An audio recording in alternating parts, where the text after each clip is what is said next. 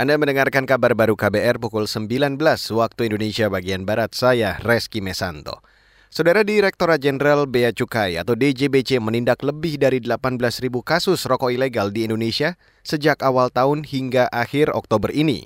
Dikutip dari CNN, Direktur Komunikasi dan Bimbingan Pengguna Jasa DJBC, Nirwala Dwi Herianto menjelaskan, penindakan tersebut dilakukan selama 10 bulan. Kasus rokok ilegal ini terbagi dalam sejumlah modus dengan potensi kerugian negara mencapai lebih dari 400 miliar rupiah. Modus pertama ada rokok polos atau rokok yang tanpa dilekatkan pita cukai. Kedua, rokok yang dilekatkan pita cukai palsu. Ketiga, rokok dengan pita cukai bebas. Lalu modus keempat, rokok dengan pita cukai yang salah peruntukan. Penindakan juga dilakukan selama tiga tahun ke belakang. Pada 2019 misalnya, ada 6.000 lebih penindakan dengan potensi kerugian negara 185 miliar rupiah lebih. Lalu pada 2020 meningkat menjadi 9.000 lebih penindakan dengan potensi kerugian 660 miliar rupiah lebih. Beralih ke berita selanjutnya, Saudara. Menteri Lingkungan Hidup dan Kehutanan Siti Nurbaya menyerukan kepada pemerintah daerah, produsen, aktivis, dan juga masyarakat untuk bersama-sama mencari solusi dari permasalahan sampah, termasuk di area laut. Ini disampaikan Menteri Siti dalam acara Road to G20 dengan tema Beating Plastic Pollution from Source to Sea yang digelar hari ini. Menurutnya, acara ini berperan dalam mendorong kerjasama penuntasan permasalahan sampah.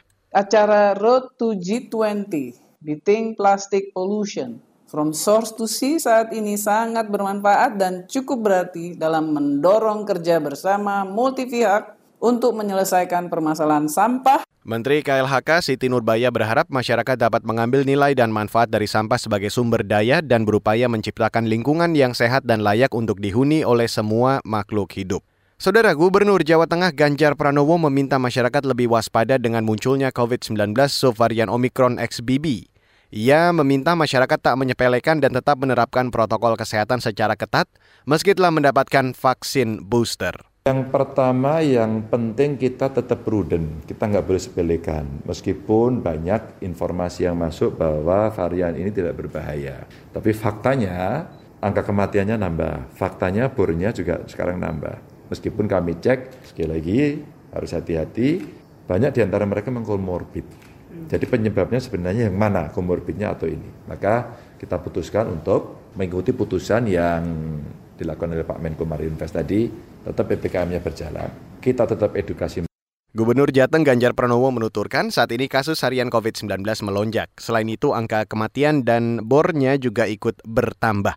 Dari informasi yang dihimpun KBR, jumlah kasus aktif COVID-19 di Jawa Tengah per Kamis 3 November mencapai 577 kasus.